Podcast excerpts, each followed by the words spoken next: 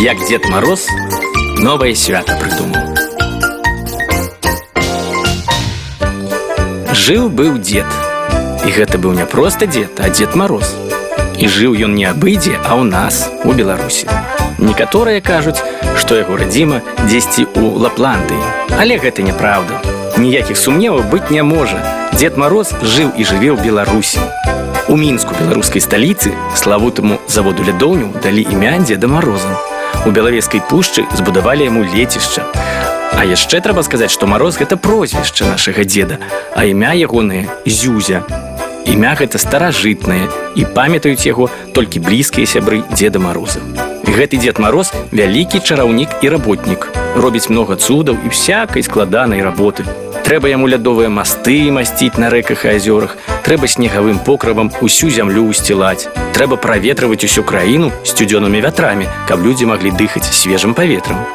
Часам ён любіць пажартаваць. То возьме скавай увесь снег і не дапросішся і не дакупішся, як той зімой. То возьме вясною сыпане снегавыя завеі віхуры і завірухі. Вядома, старэюць людзі і дзяцініца. Дык і наш дзед Мароз крышку прыдзяцінюўшы. Часам любіў, як тыя дзеці кінуць снежку плечай. Ці каўзануць мінака так, каб той паказаў цырк на лёдзе. Жарты жартамі, але работу сваю рабіў мароз спраўна. А самай улюбёнай ягонай справай было ладзіць святы. Акрамя ўсім вядомых калядаў і новага году былі яшчэ свята першага непатаптанага снегу, свята хрумсцення першым лёдам на лужынах, конкурс прыгажосці снегавых бабаў, пабудова крэўскага замку са снегу. Вось колькі много святаў. І ўсё трэба спраўна арганізаваць і падарункі пераможцам падарыць. А зрабіўшы работу, любіў дзед Мароз пахадзіць, пагуляць па сваёй краіне.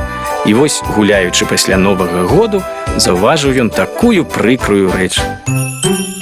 Валяюцца на вуліцы святочныя елачкі, нікому ўжо не патрэбныя, іголачкі абсыпаліся, дзе-нідзе прычапіліся абрыўкі папяровых гірляндаў і залацістага дожджыку.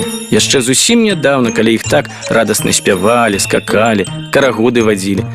А вось цяпер куча смецця. Крыўдна стала дзеду марозу і вырашыў ён нешта прыдумаць. Думаў, думаў і прыдумаў новае свята. А каб людзі пра гэта даведаліся, напісаў ён ім ліст. Вядома, дзеду марозу, каб напісаць ліст, не трэба ні паперы, ні алоўка. Ён дзьмухне сцюдзёна і на шыбах вокнаў з'явяцца ледзяныя пісьмёны. Прыхожыя такія, кожная літарка вымаляваная. І вось чытаюць назаўтра людзі такі ліст. Добрый дзень, мае даражэнькія землякі. Дасылаю вам сцюдзёныя і бліскучыя прывітанні. Як заўсёды зычу вам здароўя і бадзёрага духу і хачу з вами пагаварыць пра такую важную справу. Надта мне стала шкода, што на каляды і новы год марнуецца шмат жывых елачак. І прыдумаў я, каб ставіць у кватэрах не жывыя, але цацачныя елкі. А каб было весялей, на гэтыя цацачныя елкі чапляць не цацкі, а сапраўдныя прысмакі, мандарынкі, яблычкі, арэшкі ў залатой фользе, цукеркі ў каляровых фанціках, пернічкі і печуўкі.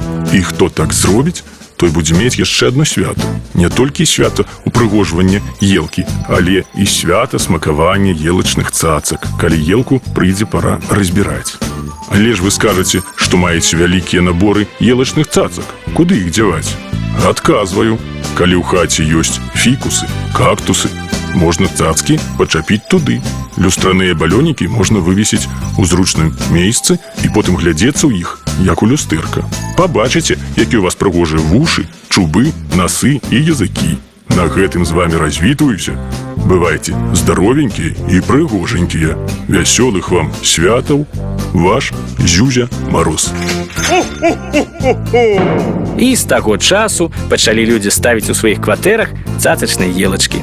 Надта былі задаволеныя падмятайлы, што пасля зімовых святаў вуліцы сталі чыстыя. А самыя радыя былі дзеці, якія полюбілі новае свята, свята смакаванне елачных цацак.